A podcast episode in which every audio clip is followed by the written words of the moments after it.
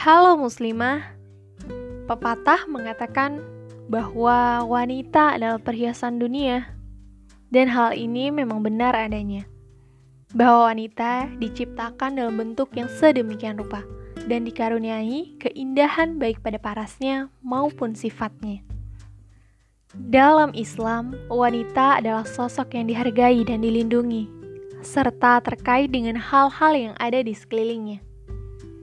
Islam senantiasa melindungi dan menjaga harkat dan martabat wanita. Terlepas dari itu semua, para wanita tentunya ingin selalu tampil cantik dan menarik.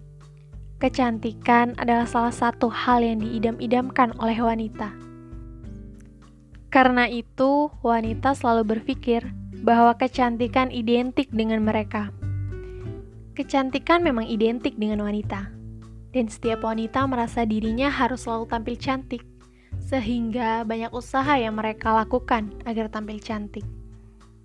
Lalu, seperti apa kecantikan dalam Islam? Kecantikan ada dua, yakni kecantikan fisik dan kecantikan rohani, inner beauty. Kecantikan fisik adalah kecantikan pada tubuh luar seorang wanita. Bisa mencakup kecantikan parasnya, perhiasannya, atau pakaian yang menutupi tubuhnya.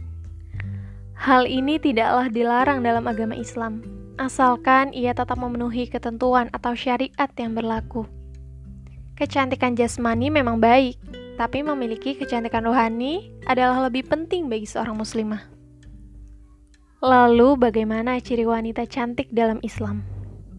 Yang pertama, senantiasa menutup auratnya.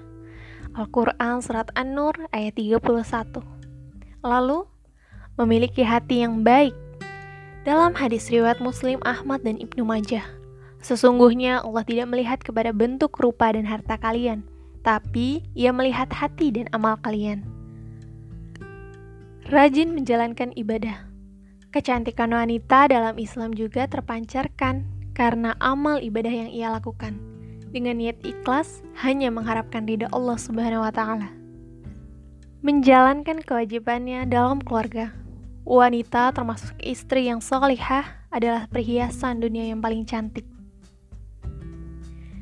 Hadis riwayat Muslim, Ibnu Majah dan An-Nasai bahwa dunia adalah perhiasan dan sebaik-baik perhiasannya adalah wanita solihah.